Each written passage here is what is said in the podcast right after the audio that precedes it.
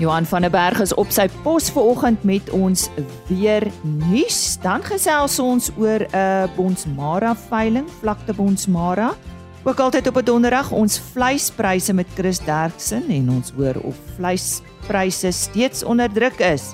En dan het Dr. Heinz Meisner onlangs in die ateljee kom kuier om oor Melk SA se verslag oor volhoubaarheid in die suiwelbedryf met ons kom gesels. En uh, daar is veral vier aspekte waarop hierdie verslag fokus en uh, ons vind meer uit daaroor. Goeiemôre van my Lise Robert. Ja, dit is tyd vir RSG Landbou en baie welkom. Ons gesels met Johan van der Berg soos altyd eerste op 'n donderdag. Johan, ek hoop jy het goeie nuus vir ons somer reënvalgebiede. Kan ons 'n bietjie reën verwag? Goeiemôre. Môre Lise. Ja, dit lyk tog asof hier 'n verandering besig is om in die somerreënvalgebied uh, te begin voorkom. Ons sien daar's 'n bietjie tropiese vog wat begin hier veral oor Botswana af beweeg. En ons het hierdie week al so ligte reentjies hier rondom Maandag, Dinsdag hier in die Oos-Vrystaat gesien.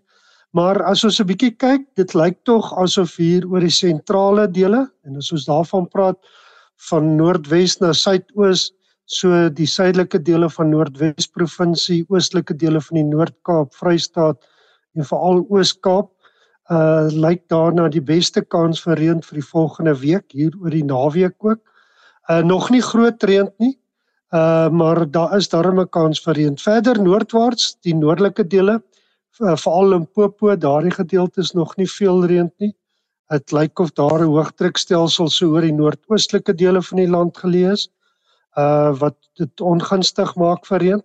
En uh, dan natuurlik ook hier oor die Noord-Kaap, die oostelike dele van die Noord-Kaap kan daar so 'n bietjie reën voorkom. Uh die Wes-Kaap, dit lyk of die dinge begin verander. Daar is nog gereelde ligte reën met koue fronte wat deurkom, maar dit lyk nie asof daar baie swaar reën meer oor is nie. Uh hier rondom 1 2 23 uh, uh Oktober uh is daar weer 'n klompie reën sal moet sien hoe dit lyk maar veral hier na die Suid-Kaapse kant toe en dan lyk dit ook asof ons darm nie meer regtig baie koue toestande gaan kry nie. Uh ons gaan hier 'n redelike skerp daling sien in temperatuur oor die somerreënvalgebied hier van die 15de 16de Oktober. Uh maar dit gaan meer dagtemperature wees met bewolkte toestande wat gaan voorkom en dan lyk dit maar uh, hier na die laaste deel van Oktober of ons weer redelike warm toestande gaan kry en dan die eerste deel van November lyk op hierdie stadium weer redelik goed verreën. So dit lyk tog of die dinge besig is om te verander. Johan van der Berg met ons weer vooruitsigte. Vlakte Bonsmaras hou op 20 Oktober hul 14de bilveiling. En ek gesels nou met Kobus de Tooi. Kobus vlakte by ons Mara, ek sien julle is daar in Limpopo presies. Waar is die plaas Doringpan en hoe lyk omstandighede tans daar by julle? Goeiemôre Lize, goeiemôre luisteraars. Ja Lize, ons is uh, so 65 km oos van die N1 van Modimolle Nelstroom Kranskop Plaza. Um in 'n oostelike rigting op die R33. En uh, Lize, ja, dit ons het eh, 'n uh, redelike goeie winter gehad. Ons het goeie weidings, oordrag weidings gehad en die ondervog is reg. Um, ons glo ons gaan met min reën sal ons vinnig uh, weer goeie weidings hê. So dit hmm. dit gaan eintlik relatief goed in ons area. Goed om te hoor. Nou hierdie is julle 14de Bonsmara bulveiling. Wat is op aanbod en vertel ons bietjie meer van die diere? Lize, ons het uh, 51 bulle op aanbod en dan het ons 200 vroulike diere uh SP en kommersieel in alle produksiestadia. En uh soos soos altyd in die verlede die diere is onderwerp aan 'n aan 'n streng kering intern in ons groep waar ons uh basies by by die teelers omgaan en ons ons selekteer die diere vir die veiling en uh ons is ons roem ons daarop dat ons redelik streng keer en uh die aanbod is van van so gehalte dat dat daar nie noodwendig enige uitskot diere op ons veilinge is nie. Ons ons is baie streng op dit en die aanbod is is werklik hartsdiere as mens dit so kan stel en wat die bulle betref ook um, ons ons probeer 'n goeie variasie hê. Ons het uh, van van jong bulle uh, 2020 bulle tot ouer kuddevaars wat beproefde bulle is wat in die kuddes gebruik is. En en ons het ook uh, verskeie spesialisbulle. So ons kan sê daar's versbulle, daar's spesialis groeibulle. So daar's werklik iets vir almal en wat is nog van belang vir voornemende kopers? Iets spesiaal wat jy aanbied? Ja, Lize, ons bied soos in die verlede 400 km gratis uh, vervoer aan op op alle diere en en dan ook uh, op die bulle bied ons 'n 30 dae allesomvattende dekking. So nie net word jou jou bul vir jou 400 kg gratis afgelaai nie, hy hy's gedek vir transito sou iets gebeur en 30 dae allesomvattend daarna. En dit is 'n groot voordeel. Dit is dit is maklik in die orde van 'n 15000 rand besparing sou jy die in die 400 km radius gebruik van maak. So dis werklik 'n groot voordeel wat ons verkopers bied op die dag. Kobus baie dankie. Ek sien uh, Vleis Sentraal Bosveld bied vir julle hierdie veiling aan. Vir meer inligting, uh, wie verkies jy moet gekontak word?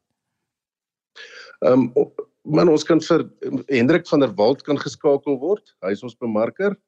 Ehm um, as ek vir jou sy nommer kan gee, dit is 083 628 9301. Ja, kom ek herhaal net weer al die besonderhede. Dit is natuurlik die Vlaktebons Mara 14de bulveiling, die datum 20 Oktober. Dit word gehou by die plaas Doringpan begin natuurlik 11:00 daar in die Rootan omgewing en ek het pas gesels met uh, Kobus de Tooi oor sy diere, maar uh, vir meer inligting Hendrik van der Walt, bemarker by Vleis Sentraal Bosveld 083 628 9301. Chris Derksen volgende met ons vleispryse. Die pryse is behaal by veilinge in die Noord-Vrystaat. Môre Chris. Môre medeboere. Lisa, goeiemôre aan jou en dankie tot sover. Ons gee graag vir julle die verslag van die veepryse vir die week wat eindig op Woensdag die 11de Oktober. Pryse het effens e-, eerstens het hulle darm gestabiliseer, maar hulle het eintlik effens begin styg en 'n mens hoop so hulle die ding nou gedraai het. Maar ek gee vir julle dan die presiese pryse en dan moet ons ook onthou hierdie hoë brandstofpryse is baie swaar las vir vee wat baie ver van die mark af kom. Maar ek gee vir julle presiese pryse. Speenkalfs onder 200 kg het gaan vir R34.02 per kilogram lewendige gewig dan 200 tot 250 kg R32.51 en oor 250 kg R30.80. En ons moet altyd onthou ons gee vir julle die beste pryse van goeie kwaliteit vee en nie noodwendig die gemiddeld vir die dag nie. A-klasse R29.40. B-klasse was daar nie. Vetkoeie darm mooi gestyg na R24.07 en markkoeie R20.10. Slagbulle soos altyd R26.11. Stoorlammers R39.81 en die papekonomie word weerspieël dat slaglammers so goedkoop is op R36 presies. Stoorskape R32, vetskape R32.10 en daar was nie bokke op die veiling nie, maar die prys wat ons kan kry in die omgewing is lammer so vir R49 en ooe R39 per kilogram. In elk geval as ons julle enigstens verder kan help gee, skakel maar enige tyd na 08280 75961. Baie dankie. So gesels Chris Derksen altyd op 'n donderdag met ons vleispryse. Vir meer inligting www.vleisprys.co.za.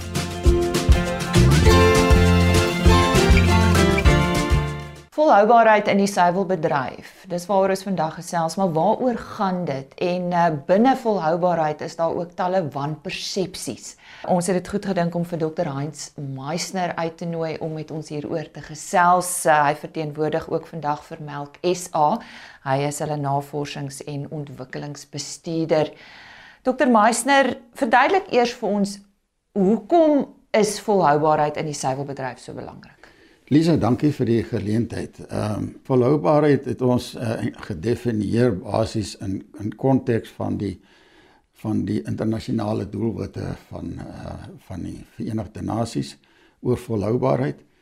Volhoubaarheid, ja, uit vir die saak soos die woord dan nou eintlik sê, beteken dat ons uh oor 'n lang tydperk wil uh, produseer en winsgewend produseer sonder om omgewingsinvloed te hê. En as 'n mens die die uh doelwitte van die Verenigde Nasies dan nou sou saamvat waarna ons streef om om om 'n bydrae te lewer, dan kan mens dit miskien opsom dan in 'n in 'n paar elemente. Die omgewings uh volhoubaarheid wat beteken natuurlik dat ons die omgewing moet bewaar uh en aan die ander kant wel ook uh tot die maksimum voordeel wil benut vir ons boerdery. Dan gaan dit ook oor uh sosio-ekonomiese aspekte daarvan dat ons seker maak dat dit volhoubaar is. Uh dan gaan dit oor uh die produk self, dat ons kwaliteit produk en 'n gesonde en 'n veilige produk dan uh, op die tafel sit van die verbruiker. En dan gaan dit ook natuurlik oor dieregesondheid en dierewelsyn. Dit in kort is 'n soort van die hoofelemente van uh van volhoubaarheid waaraan ons aandag skenk in die navorsings en ontwikkelingsprogram en die res van die projekte wat ons in Melk SA het. Goed, nou julle het 'n verslag hieroor opgestel um, en dit is iets wat um elke 6 maande hersien word, is ek reg? Dis reg. Elke 6 maande. Wat uh, wat dit beteken is dat ons 'n basiese doelwitte in daardie verslag het Maar soos wat ons vordering maak met ons projekte, sê nou maar onder andere navorsing en ontwikkeling wat nou gemik is op hierdie volhoubaarheidsaspekte, dan sit ons daardie uh resultate wat ons kry daarin en sien tot watter mate ons dan vordering maak in die volhoubaarheidskompleks. Nou kom ons gesels bietjie meer in diepte maar ook kortliks oor daai vier aspekte. Nou as ek praat oor omgewing en dink aan omgewing, dan dink ek aan onmiddellik aan wanpersepsies. Dit gaan ook metaangas, kweekhuisgasse. Brei bietjie uit daaroor. Ja, uh, uh dit is natuurlik die populêre in in die in die wêreld tans die metaangas vrystelling en so aan en 'n persepsie dat ons herkouers en kom ons sê maar die meeste van ons herkouers is beeste dat beeste die geweldige afskeiding het uh emissies vrystelling in die uh in die atmosfeer en dat dit tot globale verwarming uh daartoe bydra. Nou ons ontken nie hoe genaamd dit nie. Trouwens baie van ons werk is daarop gemik om ook daai emissies te ver, verminder. Maar as uh, die die politiek van die saak het so groot geraak dat ons vandag moet sê dat as ons nou kyk na is dit werklik van die omvang wat uh wat in die wêreld geglo word dit is dan het ons navorsing daarop gewys dat uh dit is nie so nie dit is 'n wanpersepsie. Paar faktore. Die een is dat uh ons het 'n analise gedoen oor die wêreld uh bevolking van beeste. Uh, en uh, dis baie duidelik dat daar 'n oorskatting van 'n half biljoen beeste in die wêreld is. Oorskatting. Wat klaar vir jou aanduiding gee dat die bydrae van ons beesbevolking globaal, ek praat nie van individuele lande nie, maar globaal is uh is oorskat. Dan is daar 'n situasie wat nie in aanmerking geneem word nie en en en dit is dat metaangas wat anders is, is as uh, koolsuurgas of koolstofdioksied en stikstofdioksied is 'n korttermyn gas in die in die atmosfeer.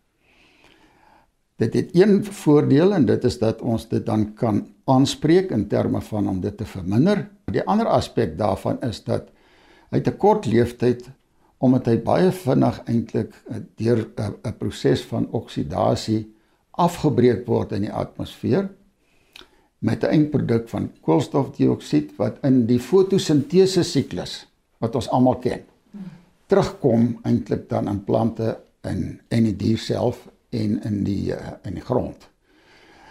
So daar's 'n aspek daarvan dat daardie koolstof wat dan op metaan vrygestel word, basis vrygestel word, kom terug en dan beteken dit as ons daardie element van kom ons noem dit 'n koolstofsink, is die algemene uh, woord of koolstofsekwestrasie, as ons dit baie goed kan bestuur wat ons maksimaal fotosintese kan daarstel teer byvoorbeeld bewyningspraktyke en so voorts dan kan ons eintlik baie meer van daai koolstof wat oorspronklik uh, deur metaan vrygestel is kan ons dan eintlik uh, aanspreek. So Daar's ook 'n ander oorberaming wat gaan wat op die oomblik in die, in 'n dispuut is en dit is dat uh die globale verwarmingssyfer wat algemeen gekwoteer word as ongeveer 8 28 keer dit van koolstofdioksied is deur uh fisici van Oxford uh Universiteit nou aangespreek en en dis baie duidelik dat dit oorberaming is.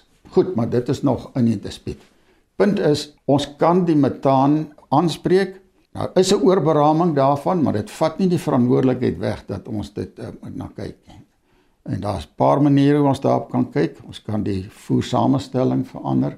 Daar's verskillende voerbymiddels wat ons deesdae kan gebruik. En waarskynlik uit uit 'n volhoubaarheidsoogpunt die mees langer termyn aspek is daarvan dat nou met die genomiese evaluasie van beeste en so voort sien ons dat daar is 'n 'n variasie in in individuele beeste van in die orde van 25%. Met ander woorde, daar daar sekere beeste is wat minder op dieselfde voer produseer as die ander. En daarom moet ons daai seleksieprogram aan die gang kry en so aan. En ons het al vordering in Suid-Afrika ook daarmee gemaak. Want dit is 'n langer termyn volhoubaarheid. 'n Ander aspek oor oor omgewing natuurlik gaan oor water. Ons is 'n waterarm land en dis 'n saak wat ons baie ernstig moet aanspreek. Ons sien nog dat uh daar uh, onnodig baie water uitgespuit word op ons weidings en so aan.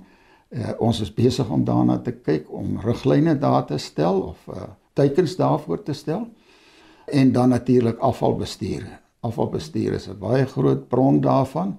Uh aan die een kant gaan dit oor uh mis wat op uh weidings byvoorbeeld nou so vergader en wat moontlik dan die waterbronne kan besoedel. Ons is besig om daarna te kyk of ons maniere kan kry om dit af te breek. Hoe kan ons hierdie persepsies verander? Is dit maar bloot inligting oor wat ons besig is om te doen en die regte feite daar te is? Dit is dit dis inligting, dis inligting en so aan.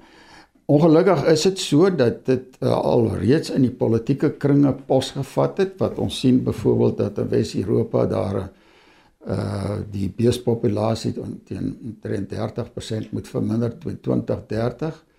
Ons sê dit is die verkeerde benadering en sê ons moet baie meer eerder konsentreer aan hoe sit ons die metaan terug in die grond in. Kom ons gaan na die volgende een toe en ons moet so 'n bietjie aanbeweeg sosio-ekonomies. As ons nou hierdie beesgetalle verminder soos wat nou algemeen is, dan beteken dit in terme van die bevolkings oor die wêreld moet ons meer alternatiewe soos groente en vrugte produseer dit het dit het uit die aard van die saak 'n voordeel, maar daar's twee potensiële nadele daarvan. Die een is dat geen plantaardige produk het al die nutriënte soos wat ons in dierlike produkte het nie. So met ander woorde, dit beteken jy moet baie inneem of jy moet ook supplemente gebruik. Dis die een aspek uh uh daarvan. Die die ander aspek daarvan is weer water. As 'n mens kyk na Suid-Afrika waar ons vir 70% van ons landbouoppervlakte eintlik net diere um, kan gebruik of verkouers kan gebruik. Jy kan dit vat na die groot dele van Afrika, na die Midde-Ooste toe, selfs Middel-Australië ensovoorts. Is ar, is is lande wat waterarm is en wat nie die grond het om die uh, groente en vrugte te kan produseer nie. Is totaal afhanklik dan daarvan uit die voedingsoogpunt uit om van diereprodukte soos uh, vleis, melk en ensovoorts gebruik te maak. Die tweede aspek is natuurlik dat as ons meer na die ontwikkelende wêreld kyk en ons praat eintlik dan grootliks van Afrika, dan het ons die situasie natuurlik dat 'n bees se waarde is nie net in sy vleis of sy melk nie. Die bees se waarde is baie groter as dit. Uh dis tot 'n groot mate 'n bank vir hom. Uh en daar's verskeie aspekte rondom, daar's rituele, daar's kulturele effekte daarvan as jy nou beesgetalle verminder dan dan plaas jy daardie populasie sterk onder druk ten opsigte van hulle kultuurvoorkeure en so voort. Veiligheid. Ja, eh, dit is nie onverhandelbaar nie. Uh, uh, voedselveiligheid is 'n geweldige belangrike aspek daarvan en ons sit eintlik met produkte wat natuurlik uh, kan afgaan. Uh net interessantheid ons kyk dan ook na ehm um, navorsing waar ons waar mense byvoorbeeld nie dadelik toegang tot afkoelingsgeriewe het nie. Hoe kan ons die rakleeftyd daarvan verleng in die proses? Veral nou met beerdkrag, né? maar beer, beerdkrag kom nog sterker in die, in die situasie, maar ons het byvoorbeeld natuurlik daai listerose uitbraak gehad en so voort. Daardie aspekte is wat uh, wat ons moet aanspreek in die proses en die veiligheid van die produk en die rakleeftyd van die produk en so aan. En gehalte natuurlik gaan oor die kwaliteit van die produk. As ons sê dat diereprodukte het van die beste kwaliteit daar in terme van nutriëntsamestelling, dan moet ons verseker dat dit daar is wanneer ons dit nodig het. En dan as ons kyk na uh, behalwe vir volhoubaarheid het het ons ook na speurbaarheid. En dit is vir 'n uh, verbruiker belangrik om te weet dat daar goed na die dier gekyk word en dis nou waar diereversorging en welsyn ook net so belangrik. Ja, diereversorging en welsyn ons plaas 'n baie groot premie daarop en diereversorging uit die aard van die saak oor uh veral diere siektes wat sprake is en wat ons natuurlik uh, gehad het in die, in die land met bek en klou die bruselose probleem en sovoorts dis dinge wat ons ernstig moet aanspreek. Ons kan nie daardie soort van siektes basies toelaat nie Die ander kant van die saak in daai konteks word 'n dier seker dan moet ons antibiotikums gebruik en so aan en ons weet van die baie groot effek van uh, antibiotika weerstandbindheid beide by die dier sowel as by die mens.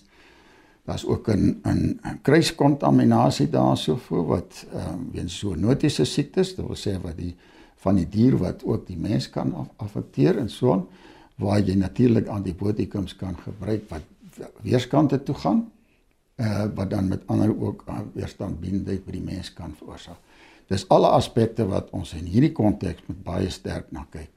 Maar diereversorging, ons kyk nou eintlik na 'n beginsel daarvan en en ek dink ons ons veeartseny beroep is is is eintlik ehm um, baie sterk nou daarop ingeset om meer dan te kyk na voorkomend en so voort en nie net behandel en uh, wanneer die siekte daar is nie voorkomend. So dierewelsyn speel 'n geweldige rol Dis nie net 'n internasionale aspek of 'n uh, aspek van die bekommernis van jou verbruiker in hierdie konteks nie.